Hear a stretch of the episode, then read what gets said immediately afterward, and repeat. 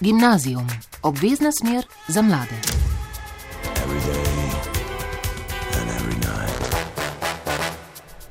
Lepo pozdravljeni v tokratnem gimnazijumu, ki ga ponovno namenjamo maturantom. Pisni izpiti se namreč približujejo, v tele uri pa bova Tadaja in Špela govorili o ključnih informacijah povezanih z letošnjima maturama in vas spomnili na tiste stvari, na katere morate biti pozorni pri posameznem predmetu. O tem smo že govorili v naši oddaji in podkastu Prvi na maturi, danes pa za vas povzemava ključne stvari. Govorili bomo o angleščini, slovenščini, matematiki, geografiji in psihologiji na splošni maturi, pa tudi o tem, kako boste letos sploh potekali poklicna in splošna matura, kdaj bodo znani rezultati, kako bodo potekali v pogledi v izpitne pole in kako pritožbe. Odgovore na vsa ta vprašanja izvemo v tej uri. Prvi na maturi.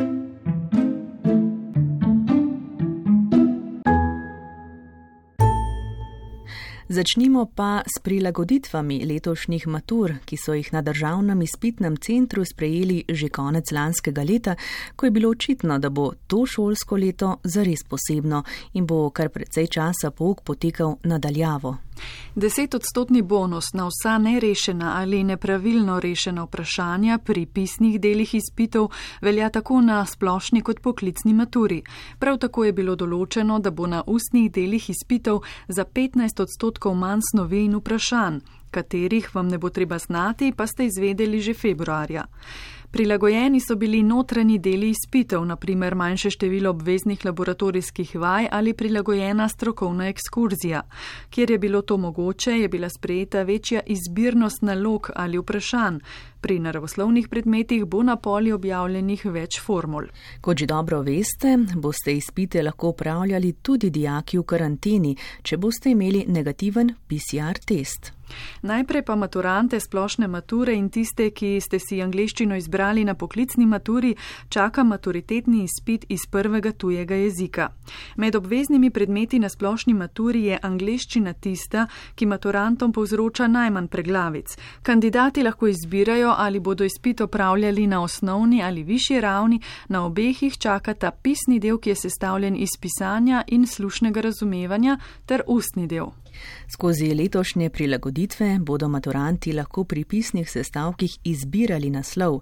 Del sestavkov na višji ravni in del ustnega izpita na osnovni ravni sta letos knjigi Williama Goldinga Lord of the Flies in Animal Farm Georgea Orwella.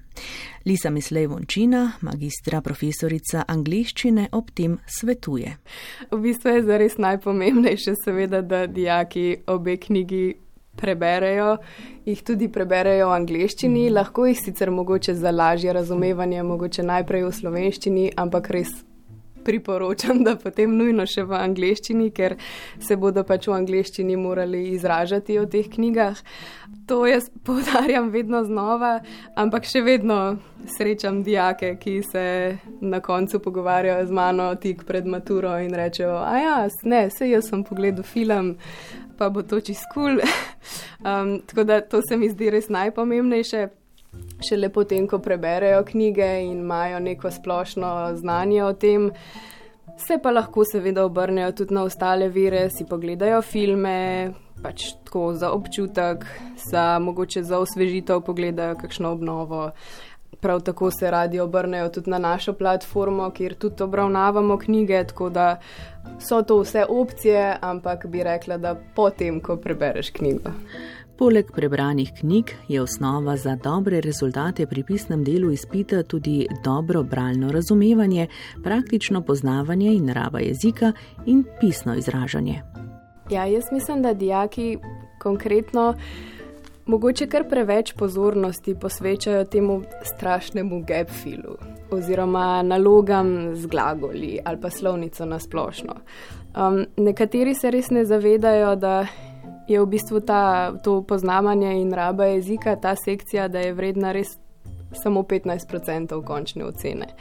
Um, tako da to je tudi stvar, ki jo med poukom veliko vadijo in ji dajo zelo veliko poudarka medtem ko je naprimer bralno razumevanje vredno več kot raba jezika, ampak se jim mogoče ne zdi tako pomembno. Največ točk pa drugač mislim, da izgubljajo s tem, da pri pisnem sporočanju malo pozabljajo na strukturo. Se pravi, zadeve kot je naprimer členitev besedila na odstavke, neke stalne fraze, ki se uporabljajo pri pisanju in tako naprej. To so vse stvari, ki niso komplicirane, ki niso težke za naučiti se in se da zelo lepo pripraviti na nje. Zato se meni vedno zdi najbolj škoda, da pač vsaj pri teh predvidljivih zadevah za brezveze v bistvu lahko izgubijo točke. Eh, če nekje piše, da morajo odgovoriti eh, s celo povedjo, eh, kako je z veliko začetnico, končnim ločilom, se tudi tukaj odbijajo točke, če tega ni upoštevanega ali ni tako strogo kot pri slovenščini. Ja, v bistvu je tako, da če piše v navodilu, da je treba odgovoriti v celem stavku, je to seveda treba storiti. Pri angleščini je velikrat tako, da morajo biti kratki odgovori pri pač odgovarjanju na vprašanja. To se ponavadi olajša tudi na ta način, da se že v navodilih omeji odgovor s številom besed. Tako da tukaj res mislim, da nima, ne bom rekla, da nima nihče težav, ampak da če preberejo navodila oziroma vejo, koliko imajo sploh na voljo besed za odgovor, da se tukaj težko zakomplicira kalkulino. Kako pa je z ostalimi pravopisnimi napakami, recimo vejicami ali s čim drugim, eh, kako se to točkuje, na kaj dijaki pozabijo, kaj morda največkrat spregledajo in se točke potem kar odbijajo? Vejce se v angleščini uporabljajo veliko manj strogo kot pri slovenščini. Ni toliko natančnih pravil oziroma uporaba vejc je pri angleščini pogosto bolj odločitev posameznika, kako jasno želi nekaj povdariti. Tako da vejce niso tako huda stvar. Drugače pa pri bralnem in slušnem razumevanju ocenjevalci ne odštevajo točk, naprimer za napačno napisane besede, se pravi, če je spelling mistake. Tako da recimo če napišejo bicycle brez y ali pa zamešajo i pa y, um, se tukaj točke ne odbijajo, tako da to je ena taka lepa olajšava, uh, da ni treba tok paziti na te zadeve. Če pa ima seveda napačno napisana beseda drugačen pomen, se pravi, če se zaradi tega, ker se ena črka podvoji ali pa je ni ali pa kakorkoli, spremeni pomen besede, potem pa se za to odšteje točka. Recimo, ne vem, če bi na mest, če bi želeli napisati hoping z enim pojem, pa bi napisali hopping z dvema, je to pač popolnoma drug pomen besede in bi se za tako stvar odštela točka. Slušni del pri angliščini je sicer tisti, o katerem se največ govori. Ja, mislim, da je vsako leto veliko govora o slušnem delu po odpisani maturi iz angliščine. Mislim, da so v zadnjih letih posnetke tudi mal prilagodili, se pravi, da ni v ozadju več nekih hrupov ali motečih faktorjev. Je pa po mojih izkušnjah tako, vsaka generacija vedno reče, da je bila njihova matura najtežja. Vsi, ki rešujejo stare pole, si mislijo, uf, to je pa čisto lahko ali pa ja, to je pa res. Uh, bila neka lahka vaja ali karkoli. Um, problem pa ni zares sploh v težavnosti izpita, ampak v tisti trenutni situaciji. Se pravi, eno je, ko ti vadiš in se učiš doma, drugo je pa, ko potem res prideš na izpit, kjer se je treba držati pravil, kjer je pritisk popolnoma drugačen kot takrat, ko rešujemo vaje doma zato ker pač gre za res. In jaz mislim, da je tukaj predvsem to veliko vpliv na to, da se vsakmu zdi to uh, nek bav bav. Drugače pa slušno razumevanje je ena taka sekcija mature, ki v bistvu nihče ne posveča prav veliko pozornosti v pripravi. Ni za res zelo težka sekcija, ampak je pa potrebno nekaj vaje in zato je moje priporočilo tukaj izključno to, da dijaki naprimer naredijo vsaj eno staro slušno razumevanje na teden, um, ker z vajo se tukaj rezultati zelo, zelo hitro izboljšajo. In hkrati, ko delajo vaje, se tudi zelo lahko dvigne samozavest na samem izpitu. Eh, besedilo pri slušnem delu maturanti poslušajo dvakrat. Če jih eh, zagrabi panika, ko po prvem slišanem delu še nimajo izpolnjenega vsega oziroma vseh odgovorov, eh, kakšen je tukaj vaš nasvet? Jaz mislim, da velik te panike lahko že vnaprej zmanjšamo ravno s tem, kar sem prej povedala, se pravi, zvajo doma, ker na ta način se tudi naučijo da ni nič hudega, če v prvo ne slišiš vseh odgovorov, oziroma da se dovolj skoncentriraš, da rešiš recimo en del in se potem pri drugem poslušanju ali samo preverjaš, če ti je uspelo vse rešiti, če ne pa se res lahko skoncentriraš samo na tista vprašanja, kjer ti manjkajo informacije in lahko zelo mirno rešuješ potem tudi naprej. Ta celotna sekcija ni preveč zakomplicirana in tudi dijakom lahko veliko eh, plus točk prinese. Tako da res, če se malo sredotočijo na, na kakšno ekstra vajo doma, mislim, da slušno razumevanje, da je res ena taka lahko čist prijetna sekcija. No. Prvi na maturi.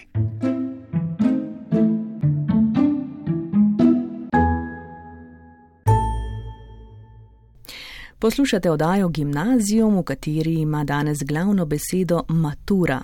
31. maja je na vrsti slovenščina, tako za poklicne kot splošne maturante. Pri slednjih je kdaj težava tudi druga izpitna pola, razčlemba izhodiščnega besedila. Pred leti je bila količinsko in vsebinsko še zahtevnejša in je mladim zmanjkovalo časa, a so se na srečo stvari spremenile. Druga izpitna pola zdaj prinaša 30 odstotkov ocene, do največ 25 nalog prinaša 90 točk. Najtežja je zadnja naloga, tvorjenje krajšega neumetnostnega besedila dane besedilne vrste, ki je lahko vredna kar do 20 točk. Kako se jo torej lotiti? Prisluhnimo na svetom magistrice Sonje Žilavec Nemec, profesorice slovenščine na gimnaziji Murska sobota. Eh, analize rezultatov maturitetne pole 2 ne kažejo nekih specifičnih primankljajev znanja. Eh, pogosto je pa uspešnost reševanja naloge določenega področja odvisna tudi od taksonomske stopnje, na kateri naj bi dijak reševal to nalogo. Kako naj si dijaki razdelijo čas eh, reševanja, kako naj se lotijo te druge izpitne pole? Uh mhm. -huh. Dijakom bi svetovala, eh, da se na maturo pripravljajo tudi tako, da poleg eh, predmaturitetne izpitne pole rešijo morda še kakšno že pred eh, samim upravljanjem mature. Sicer pa dijaki pred reševanjem izpitne pole 2, torej ko dobijo polo, morajo najprej prebrati izhodišno besedilo. Priporočljivo je, da se zatem lotijo nalog, ki preverjajo bralno razumevanje. Eh, in okoliščine sporočanja, potem, sporočanja, potem pa še vse ostale. Če katere naloge takoj ne znajo rešiti, eh, naj se predolgo ne ostavljajo pri njej, označijo naj se jo in se pozneje vrnejo k reševanju te naloge. Zadnja naloga, pri kateri dijak, eh, dijaki tvorijo besedilno vrsto, predstavlja nekje okrog 20 odstotkov vseh točk. No, na lanski maturi je bila 17 točk od vseh 90, zato je zelo korisno, da uspejo časovno eh, priti tudi do te naloge in da jo eh, uspešno napišejo. Preden se dotakneva še te zadnje naloge, še to vprašanje, kako in kje mladi po nepotrebnem izgubljajo točke v drugi spitni poli. Je to prav ta pravopis, najbrž pa tudi še kaj drugega? Ja, vse točke, ki jih kandidat ne dobi, so na nek način izgubljene po nepotrebnem. Ne? Pa vendarle, včasih so dijaki eh, premalo natančni pri terminologiji ali opisu jezikovnih pojavov, eh, površni tudi pri tvorbi povedi, pozabijo s pikami, vejicami in podobno. Najbrž pa se morajo držati navodil, če piše obkroži, morajo obkrožiti, če piše napiši v povedi odgovor, morajo napisati poved, ne? Ni tako, dovolj ja. samo ena beseda. Tako, tako, ker pri nalogah, kjer piše v povedi odgovori, se ocenjuje potem tudi jezikovna pravilnost. Ne? Poleg vsebinske ustreznosti odgovora se potem pri teh nalogah ocenjuje tudi eh, jezikovna pravilnost. Če je v povedi kakšna slovnična napaka, napačna velika mala začetnica, manjka kakšna vejica, kako ocenjevalci takrat reagirate, kako ocenite tak odgovor? Objektivno. Naloge predvidevajo točke za vsebinski del odgovora in točko za jezikovno pravilnost. In če je napaka, potem uh, jezikovna pravilnost uh, znese nič točk. Pa opažate, da ravno tu izgubljajo mladi točke, ne toliko na vsebinskem delu tega točkovanja. Eh, izkušnje na maturi vplivajo na to, kako se dijaki pripravljajo. Učitelji, ki so ocenjevalci na maturi, jim to povedo in v zadnjih letih opažam, da so dijaki dokaj natančni pri odgovarjanju na vprašanja. Zdaj pa še ta zadnja naloga v drugi izpitni poli za slovenščino. Eh, letos je izbor besedil za tvorjenje eh, krajšega neumetnostnega besedila ožine. To je novost. Uh mhm. -huh. Ja, to je prilagoditev za izpitno polo 2. Eh, izjema je samo, torej drugih prilagoditev ni, samo zadnja naloga. Torej, tvorjenje krajšega neumetnostnega besedila, naloga odprtega tipa. In tukaj je najavljen zožen nabor besedil, uradno vabilo, uradna zahvala, uradna prošnja, uradna pritožba, javno vabilo, javna zahvala, javno vestilo in komentar. Zdaj, ocenjevanje te naloge je odvisno od besedilne vrste, ki jo je dijak moral napisati. Pri vseh besedilnih vrstah se pa potem ocenjuje zgradba, ki je pri uradnih besedilih drugačna kot pri javnih ali pa pri komentarju, torej delež točke namenjenih tudi vsebini. V lanski spitni poli 2 je, namen, je bilo namenjenih kar 40 odstotkov točk jezikovni pravilnosti in slogovni ustreznosti. Besedila naj bi torej dijaki napisali eh, korektno in pa vsebinsko ustrezno. Kako pa naj se mladi pripravijo zdaj na to uh, tvorjenje krajšega neumetnostnega besedila? Ali vaja dela mojstra uh, je treba um, napisati večkrat uradno vabilo, uradno zahtevo, je dovolj samo, če preberemo, kar smo se učili v šoli? Pravilno ste rekli, vaja dela mojstra. Vsako od teh besedil uh, ponavadi dijaki napišajo enkrat, dvakrat, pošljajo učitelju ki jih učijo pregled, se pogovorijo, ali je zgradba v redu, jezikovne napake, odpravijo take klasične napake pri zapisu eh, datumov, ur in tako naprej pri pozdravu. In to je v bistvu to. Napisati komentar se učimo v tretjem letniku, tako da tudi to je uh, potem potrebno še pred maturo vaditi.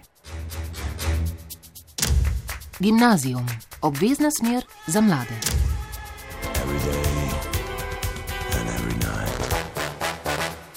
Med obveznimi predmeti na splošni maturi nam je ostala še matematika. Tu letos prihaja do sprememb. Prejeli boste dve poli, pisali dvakrat po 90 minut, vsaki poli pa vas čaka osem kratkih nalog in šest krajših strukturiranih nalog. Na višji ravni pa prav tako dve poli, dvakrat po 90 minut, vsaki poli pa bo šest krajših strukturiranih nalog in dve strukturirani nalogi.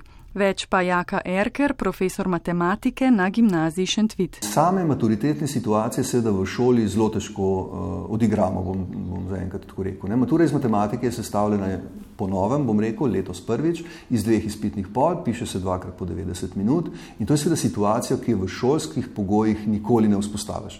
Šolska naloga, kontrolna naloga je ponovadi dolga celo 45 minut, verjetno vsi imamo navado, da v četrtem letniku vsaj kakšno med temi nalogami pišemo tudi dlje, torej 90 90 minut, ampak izkušnje, kako izgleda matematiko pisati dvakrat po 90 minut, pa pravzaprav ne moramo uh, v šolskem prostoru vzpostaviti. Ni problem samo v matematiki, to bi bilo treba seveda narediti za vse predmete in toliko časa pa ni. Ne. Edina taka prava uh, situacija, pa še vedno ta umetna, je predmaturitetni preizkus. Letos je bil prav iz matematike tudi, no in ker pozdravljam seveda to potezo tako državnega izpitnega centra in verjamem, da so šole potem tudi šle v tej smeri, tako da so dijaki dobili ta občutek, kaj to pomeni, kot rečeno, matematiko toliko časa rešvati.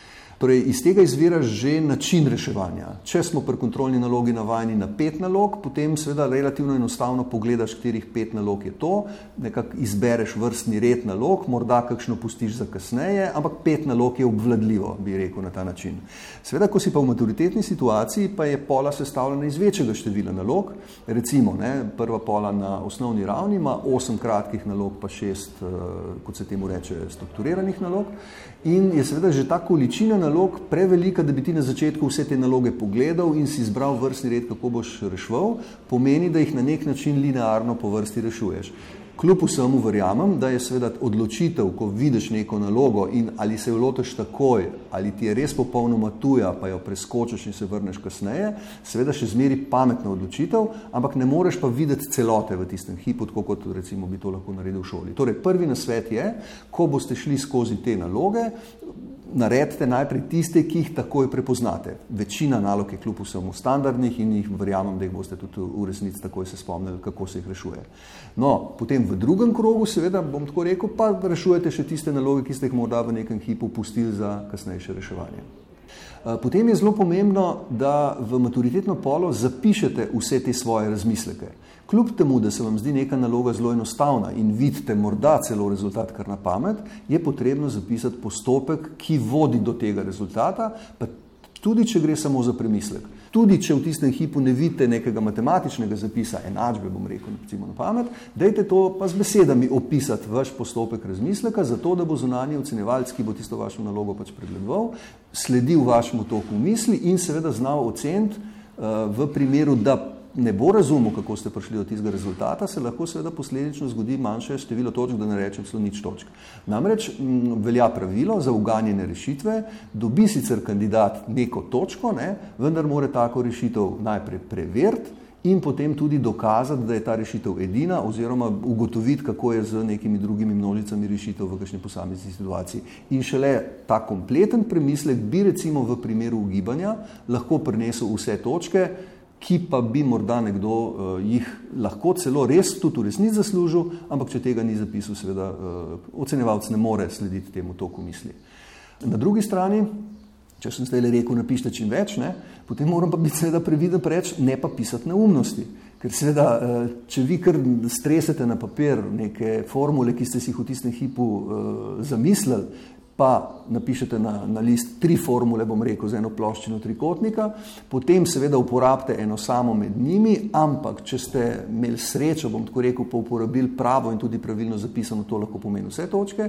Če pa ste si izbrali eno od tistih, ki so pa bile morda po pomoti napačne ali pa samo zapisane na papirju, potem bi seveda lahko celo zaradi nekorektnega zapisa zgubili kakšno točko. No, pravilo je tako, da za nekorektne zapise se pri posamezni nalogi v celoti lahko odšteje sicer samo ena točka, pa vendarle ena točka pri eni nalogi, pa ena točka pri drugi nalogi, pa na koncu lahko eh, kar nekaj tega. Torej, hočem reči, če zapišete neke ideje, formule, morda premisleke, ki so še v tistem samem začetku, in se kasneje izkažejo, da jih niste uporabili, oziroma da, da morda celo niso pravilni, ne, dejte jih prečrtati. No? Ker seveda v tem primeru pa potem ni dileme, če je pa nekaj prečrtano, pa eh, seveda ocenjevalec ne bo ocenjeval. Bodite pozorni tudi na podrobnosti. Recimo spet, no, geometrijska naloga, ki ima v podatkih enote, mora imeti enote tudi v rezultatu. Recimo naloga, kjer piše, zapiši rezultat na dve decimalki natančno, mora biti rezultat točno v taki obliki tudi zapisan. Sicer seveda se zgublja neke točke, bodi si zaradi eh, nekorektnega zapisa, recimo, da so spuščene enote, bodi si zaradi napačnega rezultata, če je rezultat napačno zaokrožen na napačno število mest, je seveda to tudi napačen in spet se zgubi tista ena točka, ki jo pa kot rečeno na koncu je lahko prav škoda. Ne? Eh, natančni bodite tudi pri zapisu nekaterih posebnosti, recimo pri vektorjih, ki sem jih tudi že omenil. Ne? Eh, zapis vektorja je relativno enolična zadeva. Ločiti morate med vektorjem kot eh, objektom in dolžino tega vektorja. Torej, to sta dva različna zapisa, ne more biti enaka. Recimo pri integralu zelo pogosto opažamo, um, jaz bi temu rekel, pomankljiv zapis, zelo velikrat manjka recimo dx. Ne? In če se te napake v neki nalogi ponavljajo uh, vse čas, torej v vseh zapisih, gre znova za tak nekorekten zapis, no in tista točka uh, se v takem primeru zgubi. Torej, res bodite pozorni na tisto, kar je zapisano, da je tisto korektno. V primeru, da ste morda celo nalogo na dva načina rešili, pa je sta različna, se morate vi odločiti, katerega ne oceni ocenjevalec, torej drugega prečrtati. Um, tako da na koncu pravzaprav veljajo tudi take drobne zadeve, ki se skozi izpitno polo lahko seštevajo ena točka najbrž ni tako problematična. Ampak če se pa to petkrat zgodi, je pa to že, da ne bom rekel, celo lahko ocena. V današnji oddaji Gimnazijum ste že slišali več o angliščini, slovenščini in matematiki na splošni maturi, zdaj pa pojdimo še k dvema najbolj priljubljenima izbirnima predmetoma na splošni maturi. To sta geografija in psihologija.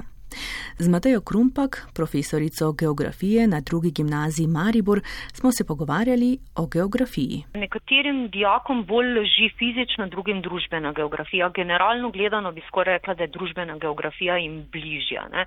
Tako da predvsem pri nalogah, ki so vezane morda na relief, torej površje, kamnine, tukaj dijaki, kar bom rekla, malo pojamrajo, potarnajo, ta področja niso najbolj všeč. Zanimivo je tudi, no, da jim veliko, veliko težav predstavlja regionalizacija Slovenije. Slovenija, kljub temu, da je majhna država s temi 20.273 kvadratnimi kilometri, je razdeljena na tisoče in tisoče delčkov. No, in tako da včasih imajo tudi težave pri, pri regionalizaciji Slovenije, predvsem to, kaj vse morajo poznati. No in v tem primeru jaz dijakom običajno kar zelo natančne karte Slovenije damo, vrisujejo v karte, v njeme karte, res tiste pojme, uh, ki jih potem tudi na maturi uh, nekako preverjajo. Tako da bom rekla, je od posameznika do posameznika odvisno, no, ampak načeloma bolje rešujejo naloge, ki so povezane z družbeno geografijo.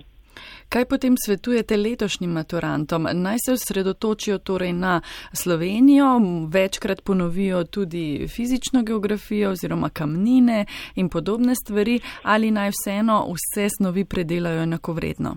To je spet vprašanje. Ne? Torej letošnji ta desetprocentni bonus ne, dijakom kljub vsemu nekaj prinaša, nekaj plus točke.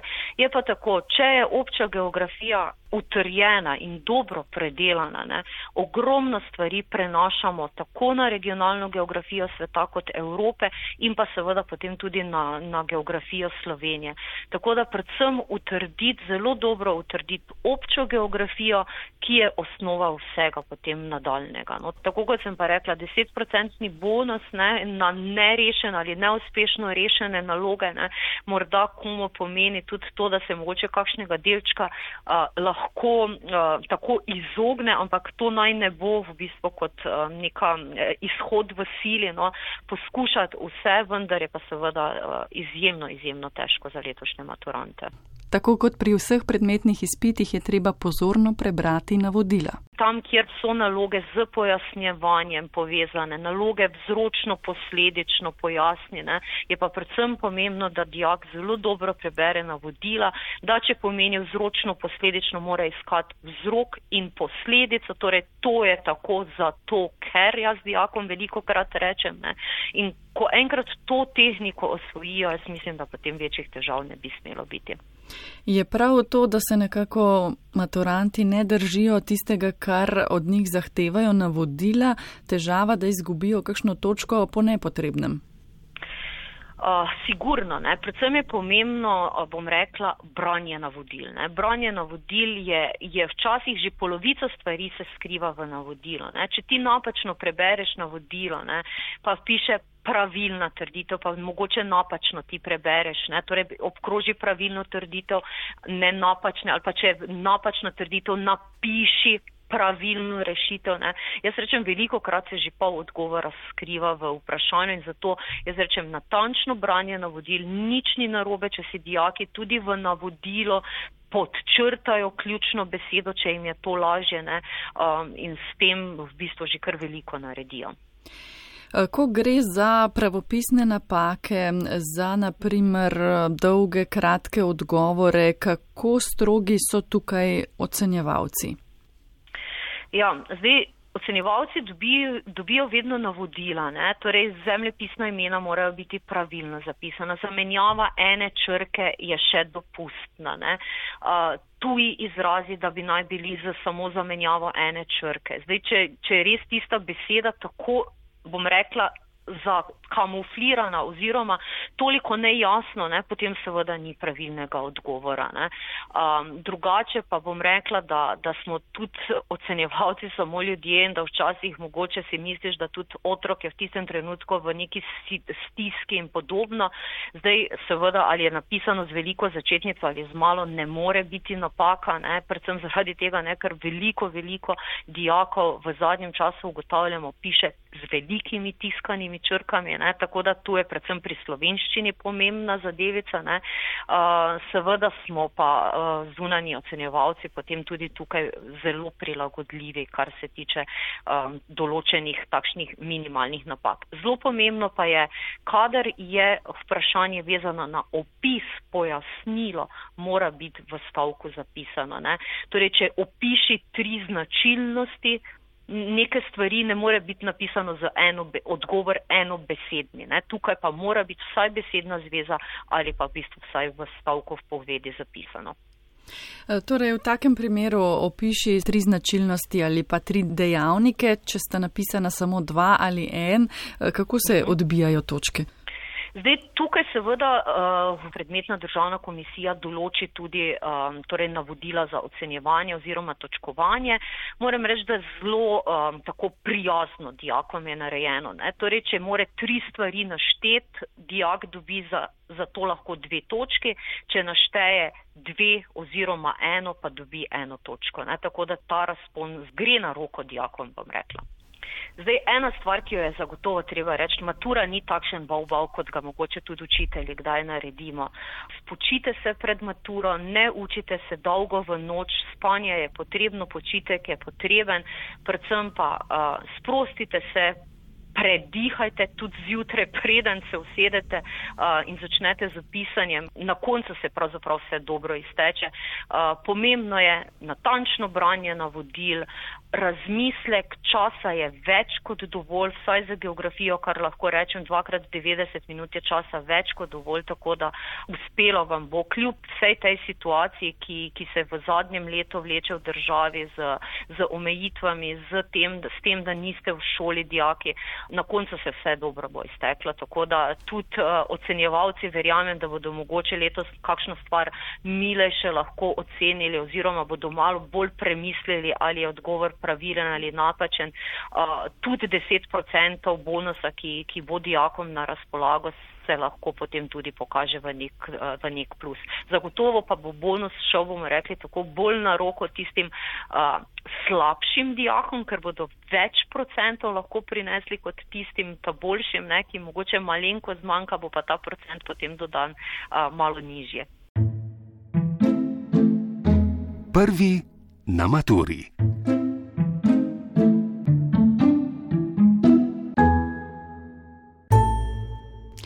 Izpit iz psihologije je sestavljen iz pisnega dela in seminarske naloge. Notranji del seminarska naloga prinaša 20 odstotkov celotne ocene, ostali del pa prinaša pisni del, ki je sestavljen iz treh delov. Prvega pišete 90 minut in v njem vas čakajo strukturirane naloge. Kandidati izberete tri. Kakšna so merila ocenjevanja pri tem delu, na kaj morate biti pozorni, je povedala Iva Strniša, univerzitetna diplomirana psihologinja, ki poučuje psihologijo na gimnaziji Franceta Prešerna v Kranju. Jaz predlagam naj kandidati predvsem natančno preberejo, kaj vprašanje od njih zahteva. Torej, konkretno v prvem delu, ki preverja znanje, ali naj opredelijo, ali naj opišajo, ali zgor poimenujejo, eh, ker vkoliko kakšno od teh aktivnosti izpustijo, izgubljajo točke. Eh, v drugem delu, ko se preverja razumevanje in uporaba, naj bodo predvsem pozorni na ponazoritev s konkretnim primerom. Jaz svoje maturante tukaj usmerjam z vprašanjem, kaj bi kamera posnela, da res konkretno opišajo nek psihološki pojav uh, na bazi vedenja. In pri tem delu so lahko zaradi tega zelo ustvarjalni. Uh, tretji del pa je sinteza in vrednotenje. Tukaj pa morajo dijaki analizirati, primerjati, povezovati, samostojno interpretirati uh, razne informacije v različnih oblikah in potem na podlagi neke kritične analize informacij oblikujejo ustrezne sklepe in tudi lastne poglede. Seveda pa se morajo pri tem opirati na širša psihološka spoznanja. Dijaki imajo na voljo oziroma maturanti konceptni list. Kako pomemben je konceptni list, koliko časa naj porabijo za njega, kaj vse naj bo na njem? Konceptni list je mm, zelo koristen za tako imenovano dispozicijo. Jaz temu rečem arhitektura naloge. Uh, naj si izpišajo, kaj vprašanje od njih zahteva, da če se ne spregledajo, seveda, potem pa naj si skicirajo odgovor. Mogoče nizajo kakšne primere konkretne, potem izberajo najprimernejšega. In to je to. Dijakinjo Jrnejo iz druge gimnazije Maribor pri psihologiji najbolj skrbijo številne definicije. Psihologija me dejansko od vseh maturitetnih predmetov najbolj skrbi, zaradi tega, ker je pri psihologiji največ definicij. Vedno me je pač samo zanimalo, ko sem pisala te uh, odgovore, naprimer na poskusni maturi, pač dejansko, koliko se lahko potem od tistih definicij odmakneš, koliko s svojimi besedami v bistvu nekaj poveš. Profesorica Iva Strniša odgovarja. Opredelitve oziroma definicije se vrednotijo na dveh ravneh. Ali kandidat zapiše nekaj dejstev, a pomankljivih, ali pa kandidat zapiše vsa pomembna dejstva. In definicije seveda so pomembne za osnovno razumevanje. Ni tolikega pomena, ali je definicija posem dobesedno navedena kot v učbeniku, čeprav bi bilo to najbolj pravilno. Morajo biti navedena vsa pomembna dejstva. Recimo, če bo opredelite, vprašanje opredelite značaj in bo nekdo napisal, to je, kakšen si po značaju, pa bi rekli, sej povedal po svojih besedah, ma to ne bo ok. Eh, koliko pa so lahko maturanti subjektivni, izhajajo iz lastnih mnen, prepričan, eh, je to po vaše dobrodošlo ali odsvetovano? Psihologija je znanstvena veda. In lajčni zaključki zagotovo ne bodo ustrezni, če bodo v obliki toga je čisto sasulo ali kaj podobnega. Uh, sploh v presojah in utemelitvah. Tam lahko podajo sicer lastne poglede, če se to od njih zahteva, vendar jih je nujno potrebno utemeljiti, postaviti v okvir širših psiholoških spoznanj. In tukaj upozarjam tudi, da ne bodo zelo pazljivi pri strokovnih izrazih. Ne? E, nenatančno zapisan izraz odštevamo točke. E, recimo na mesto nepsihoticizem, če bi bil zapisan neopsihoticizem, to ne bo v redu. Pri izpitni poli dve v prvem delu zanimajo na voljo 20 minut, na kandidate čakajo naloge zaprtega tipa. Tukaj je ponovno treba dobro in zelo pozorno prebrati vprašanja in vse odgovore. Maturanti pri teh nalogah ne smejo biti površni. Bi pa dodala tukaj še nekaj uh, in sicer naj nikakor ne pustijo naloge neodgovorjene, ker ni korekcije na ogibanje. Uh, kolikor bodo pri kakem vprašanju v dilemi, pa naj uberejo sistem izločanja, za katere odgovore so prepričani, so, da, da so napačni, pa potem naj ožijo ta izbor in verjamem, da bo šlo. E, v drugem delu izpitne pole dveh čaka strukturiran esej, nekaj ste že povedali o eseju. Kako naj se lotijo pisanja, kako naj si razporedijo teh 100 minut za pisanje? Ja, zopet tukaj svetujem neko dispozicijo, neko arhitekturo odgovora na konceptni list, da dobro povzamejo, kaj uh, esejska naloga od njih zahteva. Torej, zopet je, ne, to je v bistvu strukturiran esej uh, iz prvega dela, ki ocenjuje znanje, pa drugi del razumevanja in uporaba, pa tretji del sinteza in vrednotenja. Svetujem, naj gredo kar po vrsti, ker se tudi taka forma eseja zahteva. E, kaj pa se ocenjuje tukaj, kje kandidati konkretno izgubijo največ točk? res naj bojo tukaj predvsem pazljivi na slovnična števila v navodilih. Kaj to pomeni? Če piše s primeroma, ponazorite značilnosti, strukture in tako naprej, torej morata biti res dva primera, čeprav to ni eksplicitno napisano, je pa nakazano. Um, In še tukaj bi opozorila, včasih piše s primerom, ki naj se nanaša na življenje mladostnika. Torej, tukaj pa naloga od njih zahteva konkretno področje, iz katerega naj črpajo primer, in kolikor je pravilna ponazoritev s primerom, pa ni iz tega konkretnega področja, lahko zgubljajo točke. Če so poleg pravilnih napačni odgovori, so dijaki lahko najviše ocenjeni na prvi, tretji ali peti ravni, se pravi eno raven nižje. Uh, konkretno recimo to pomeni, da pri prvem delu lahko od možnih štirih točk prejmejo največ dve. 1. junija bodo kandidati pisali maturo iz psihologije in kakšen je končni nasvet naše sogovornice za nje. Ja, obstajajo številne tehnike, številne strategije učenja in nekatere morajo dijaki poznati tudi v okviru maturitetnih sebin pri psihologiji in moj predlog je, naj jih preizkusijo. In običajno recimo pridejo prav tehnike, ki blažijo prokrastinacijo, kakšna tehnika sproščanja ne bo odveč. Z mojimi maturanti se pripravljamo v eh, mesecu maju preko ključnih besed in na tak način tvorimo in asociacije in potem uh, naprej razlago. Zelo v pomoč so tudi um, tabele, ki povzemajo razno razne vem, teorije, uh, določene segmente snovi, ki jih najdejo dijaki v obeh učbenikih za psihologijo. Potem Zanimiva tehnika je tudi, recimo, vem, vaja v imaginaciji, da si predstavljajo proces od trenutka, ko pridejo tisti dan, ne, 1. junija v šolo, do trenutka, ko dobijo pred sabo maturitetno polo. In če gremo v misli skozi ta proces, nam je potem lahko v realni situaciji malo lažje. Gimnazijum, obvezna smer za mlade.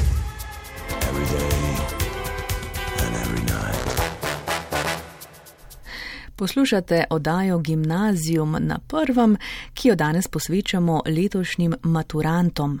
V naši rubriki Prvi na maturi smo se letos posvečali tako splošni kot poklicni maturi in skozi pogovore s profesori in ocenjevalci podajali številne koristne nasvete maturantom. Tudi letos je več kandidatov na poklicni maturi, več kot deset tisoč. Poklicna matura je sicer precej bolj orientirana na sam poklic, v katerem lahko dijaki po zaključku šolanja že začnejo delati. Veliko se jih odloči opravljati tudi peti predmet, ki poklicnim maturantom omogoča opis na univerzo. Prva dva predmeta na poklicni maturi sta obvezna. Prvi predmet je slovenščina, drugi predmet je izpit, s katerim se preverja temeljno strokovno znanje. Več Boris Klančnik, svetovalec z Centra Republike Slovenije za poklicno izobraževanje. Ja, ta izpit je posebnost poklicne mature, kajti tukaj gre za znanja iz različnih strokovnih modulov. Tako da v teh že preomenjenih predmetnih izpitnih katalogih je natančno določeno, kateri so strokovni moduli, pri katerih se potem izkazujejo poklicne kompetence, In pa seveda zelo natančno so tudi zapisane kompetence, znanja, eh, spretnosti, ki jih mora kandidat izkazati. Tako da gre torej za neke vrste konglomerat, bi lahko rekli, znanja, ki ga dijaki seveda eh, skozi eh, vsa leta izobraževanja pridobijo, tako da je to posebnost, ker ni, bi lahko rekli, en sam modul, en sam predmet, ena sama Eh, snov. Tako da gre res za eno tako eh, posebnost, ki pa je treba kar odkrito povedati, jo dijaki eh, dobro obvladujejo, ker je dejansko to jedro njihovega poklica. Kateri izpiti pa bodo imeli največ kandidatov letos, kje so morda kandidati najbolj uspešni in kje najmanj ponavadi? Uh, ja, zdaj dejstvo je, da imamo uh, glede na upis uh, običajno največ uh, kandidatov eh, v ekonomiji, strojništvu, eh, zdravstvu, potem tudi računalničarjev je kar precej eh, prečolska vzgoja. To so eni tistih, kjer je največ kandidatov v zaključnih letnikih. Kar se tiče uspeha, pa je že kar vrsto let največji uspeh ravno pri tem četrtem predmetu. Zdaj, seveda, ta četrti predmet je torej tisti, ki ga lahko kandidati se pravi, temo sami izberejo, kar pomeni, da počnejo tisto, kar jim je blizu, in verjetno gre tukaj iskati razloge, zakaj so ocene najboljše ravno pri četrtem predmetu. So bile letos morda kakšne težave pri tem četrtem predmetu zaradi zaprtih delodajalcev? Uh, ja, seveda kandidati lahko upravljajo del tega, uh, te priprave na četrti predmet tudi pri delodajalcih, tam pridobivajo ta znanja in veščine, uh, ki jim seveda zelo pomagajo pri sami izvedbi. Uh, je pa res, da so se letos šole dosti uh, bolj senzibilno organizirale. Tako da so že na začetku šolskega leta začeli razmišljati o tem, kako bodo ta četrti predmet Eh, izpeljale, in tu je treba povedati, da se glavnina četrtega predmeta lahko opravi že v zaključnem letniku, takoj po tistem, ko šolska maturitetna komisija izda kandidatu sklep, kar je najkasneje tam do konca decembra. Eh, in seveda to pomeni, da eh, so šole znale in precej uspešno pripeljale kandidate do tistega dela jedra. Eh, četrtega predmeta in je to v veliki večini že zdaj upravljeno, tako da jih čaka potem samo še zagovor.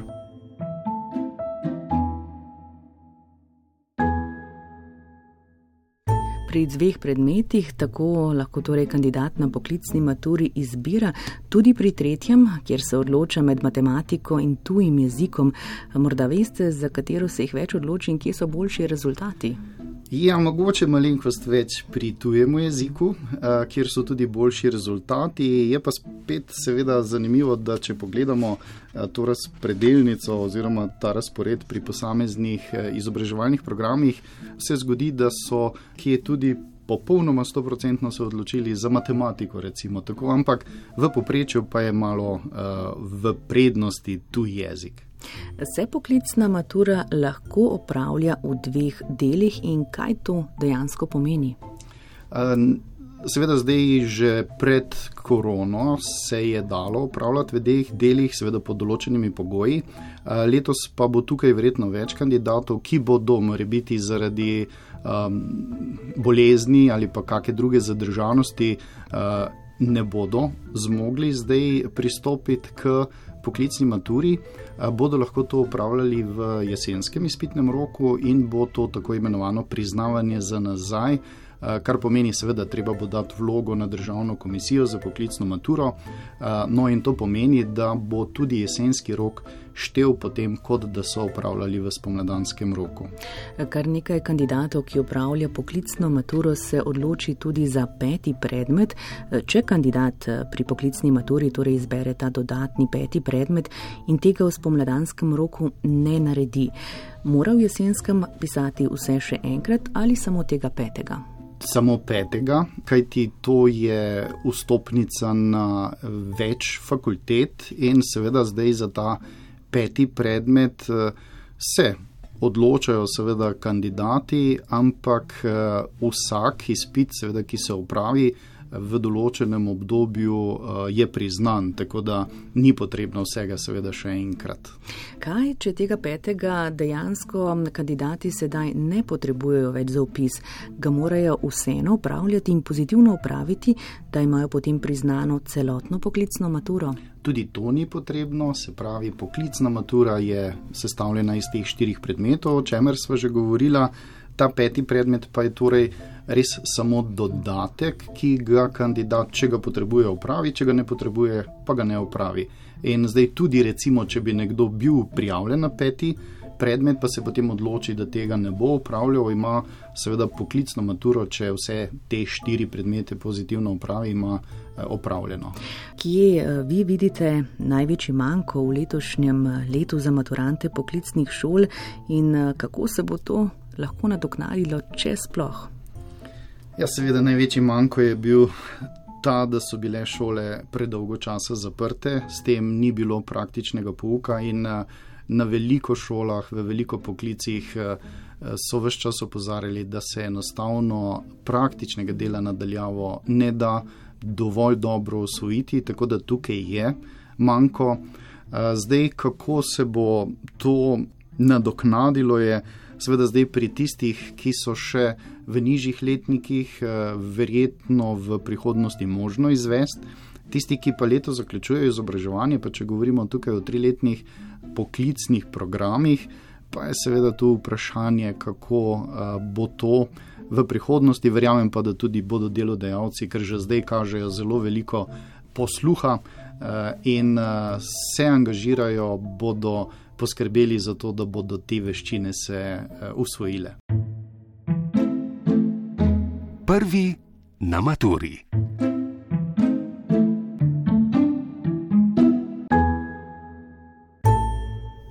Zdaj pa še nekaj uporabnih informacij. Rezultati mature bodo objavljeni za poklicno maturo 7. julija, za splošno pa 12. julija. 10. juli je zadnji rok za pisno zahtevo po pogledu v izpitno dokumentacijo na šoli za poklicne maturante. Med 12. in 14. julijem bodo potekali EU pogledi v izpitno dokumentacijo za splošne maturante. V tem obdobju pa lahko svojim uporabniškim računom v dokumentacijo pogledate večkrat. Le do 15. julija pa lahko uložite ugovor na oceno ali na način izračuna izpitne ocene. K temu pa morate predložiti tudi dokazilo o plačanem strošku ugovora.